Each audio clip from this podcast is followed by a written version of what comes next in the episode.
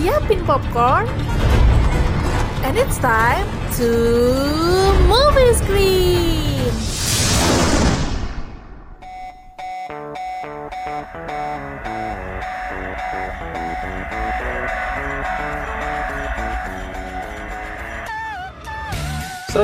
lima Rapma FM, the first entertainment channel in Solo. Hey yo Kampus Brainers, selamat datang di podcast Rapma FM Yang kali ini bakal ngebahas putar perfilman duniawi Di mana lagi kalau bukan di movie screen yang pastinya barengan sama Karel. Nah ngomong-ngomong nih ya, ini kan udah new normal Dan ada beberapa tempat umum juga udah mulai memperlakukan protokol kesehatan untuk mencegah COVID-19 Jadi buat kamu yang udah mulai berkeliaran di luar rumah Tetap safety ya, pakai masker, jaga jarak dan pastikan bawa hand sanitizer. Sekarang kalau kita ngomongin film di saat neo normal nih ya, sih kalau minggu kemarin kan kita ngomongin film di saat pandemi nih ya. Nah selama tiga bulan terakhir bioskop di tanah air kan telah berhenti beroperasi karena dampak pandemi COVID ya. Demikian juga produksi film terpaksa dihentikan untuk mengurangi penyebaran COVID-19. Setelah new normal seperti sekarang ini, para pelaku industri film pasti udah mulai mempertanyakan nih, wah gimana sih nasibku itu gimana sih? Uh, apakah film-film yang udah terbuat batal atau gimana? Dan mereka udah mulai mempertanyakan ini nih di era new normal seperti sekarang ini, gitu. Dan salah satunya adalah pelaku film yang terkenal banget nih ya, yaitu Joko Anwar yang mempertanyakan hal tersebut di akun Twitter pribadinya. Nah, dia tuh meminta kementerian terkait, Kementerian Kesehatan ya, untuk membuat protokol kesehatan industri film, kayak gitu. Isinya tuh kayak, isi tweetnya tuh kayak gini nih, Kampus Branders ya. Kami menunggu protokol kesehatan dari Kemenkes RI untuk industri perfilman. Itu tulis Joko Anwar pada hari Selasa, tanggal 16 kemarin, kayak gitu, melalui akun Twitternya. Selain itu, direspon juga oleh Ketua Umum Persatuan Perusahaan Film Indonesia atau PPF RRI, Deddy Miswar juga menyampaikan hal serupa. Jadi dia tuh mencontohkan gini nih kampus banners ya. Jadi Korea Selatan itu yang mulai membuka bioskop dengan kapasitas 5% dari total jumlah penonton normal. Wah, gimana nih maksudnya 5% dari jumlah penonton normal nih? Nah, jadi maksudnya itu adalah kalau sebuah bioskop normalnya itu bisa menampung 200 penonton, maka bakal ada 10 kursi nih yang tersedia dalam setiap jam penayangannya kayak gitu. Jadi bakal ada 10 orang di tiap jam penayangan film untuk apa ya mengurangi kontak lah atau mungkin supaya lebih aman dalam menonton film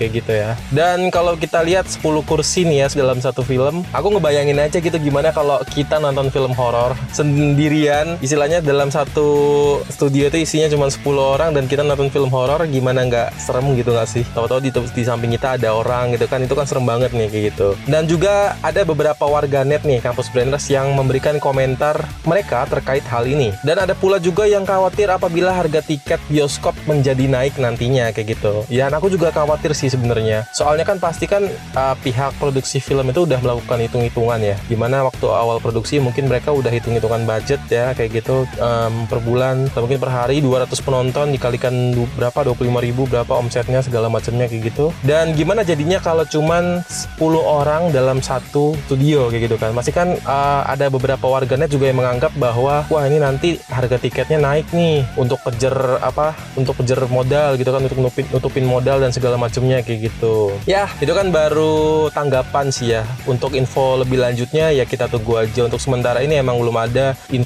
tentang bioskop di era new normal kayak gini ya. Kayak gitu. Ya, semoga aja yang udah kangen nonton bioskop bisa segera terwujud dan juga bisa segera menikmati film-film yang tertunda lah kayak gitu. Nah, ngomong-ngomong soal film yang tertunda nih ya. Jujur aku sangat sangat sangat sangat menanti film James Bond yang baru nih ya, yaitu No Time to Die yang rupanya dipercaya cepat setelah sempat ditunda akibat adanya pandemi COVID Corona nih, kayak gitu ya. Ini nih dilansir dari media sosial resminya mereka. Jadi pihak produksi yang menaungi franchise 007 ini mengumumkan bahwa perilisan No Time to Die di Amerika Serikat akan tayang lebih cepat, 5 hari dari jadwal sebelumnya.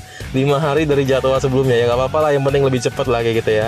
Dan semulanya No Time to Die itu uh, ditetapkan tayang pada tanggal 10 April, lalu ditunda nih gara-gara Covid ya menjadi 25 5 November 2020. Dan karena penutupan bioskop di seluruh dunia sejak Maret silam ya mau nggak mau tetap harus ditunda kayak gitu ya. Dan kini nih ya aku dapat info uh, jadwal tayang itu kembali diubah menjadi 20 November 2020 ya lima hari lebih cepat hitungannya.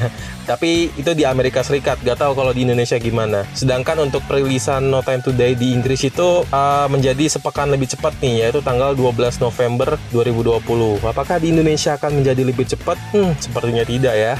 Namun terlepas dari hal itu ya, uh, No Time Today ini akan menjadi seri Bond terlama sepanjang sejarah yang disebutkan bahwa durasinya itu bakal selama 6, 163 menit ya alias 2 jam 43 menit. Ya nggak apa-apa lah ya. Ditambah ini juga adalah seri yang bagus ya seri detektif action gitu kan pasti kita nonton juga nggak boring banget kayak gitu oh iya ngomong-ngomong soal film action nih ya nah sebelum aku selesai aku bakal ngasih tahu kamu beberapa film action yang recommended banget deh buat kamu tonton hari ini. Oke, yang pertama itu adalah film tentang perbuatan kriminal, di mana film ini menceritakan tentang para polisi yang harus menemukan barang bukti dari sebuah pencurian nih. Nah, pokoknya film ini keren banget, banyak banget adegan actionnya, bikin deg-degan pastinya, bisa kamu tonton di Netflix kayak gitu. Dan yang kedua adalah film dengan aktor dari Indonesia nih, itu ada aktor Iko Uwais dan juga Jota Slim. Judulnya adalah The Night Come For Us, itu adalah film tentang bela diri tentunya, banyak banget adegan action terutama bela diri silat ya yang dipamerkan di situ. Cukup brutal sih, tapi keren banget sih buat kamu yang suka film action kayak gitu ya. Dan yang ketiga nih, yang ketiga aku bakal ngerekomendasiin film yang udah pada tahu semua pastinya yaitu ada film Man in Black Internasional. Nah, buat kamu yang suka ngikutin film-film alien pasti kamu udah paham banget tentang film ini. Begitupun ceritanya, di mana di film ini tuh adalah uh, tentang manusia yang menghadapi serangan dari alien kayak gitu ya, yang ingin menguasai bumi. Film ini recommended banget pokoknya buat kamu yang suka action fiktif lah kayak gitu. Terus yang terakhir nih ya bakal aku recommendedin buat kamu dan menurutku cukup unik yaitu adalah film yang judulnya Bright ya, Bright ya. B R I G H T kayak gitu. Nah, ceritanya itu tentang manusia yang hidup berdampingan dengan ras-ras mitologi kuno. Ras-ras mitologi kuno itu ya kayak ada elf, orc dan juga werewolves kayak gitu ya. Film ini cukup menarik karena diperankan oleh Will Smith dan bisa kamu tonton di Netflix tentunya. Dan mungkin itu aja uh, movie screen pada hari ini ya. Tentunya di podcastnya Rapma FM. Jangan lupa kamu dengerin podcastnya yang lain karena udah pasti seru banget dan asik-asik banget buat didengar kayak gitu. Dan semoga aja di era new normal ini Rapma FM udah bisa on air lagi di studionya. Dan mungkin itu aja untuk movie screen kali ini. Dan sampai ketemu minggu depan. Akhir kata terhormatlah bagi yang berprestasi dan berprestasilah dengan tetap menjaga kehormatan. Karel pamit, dadah.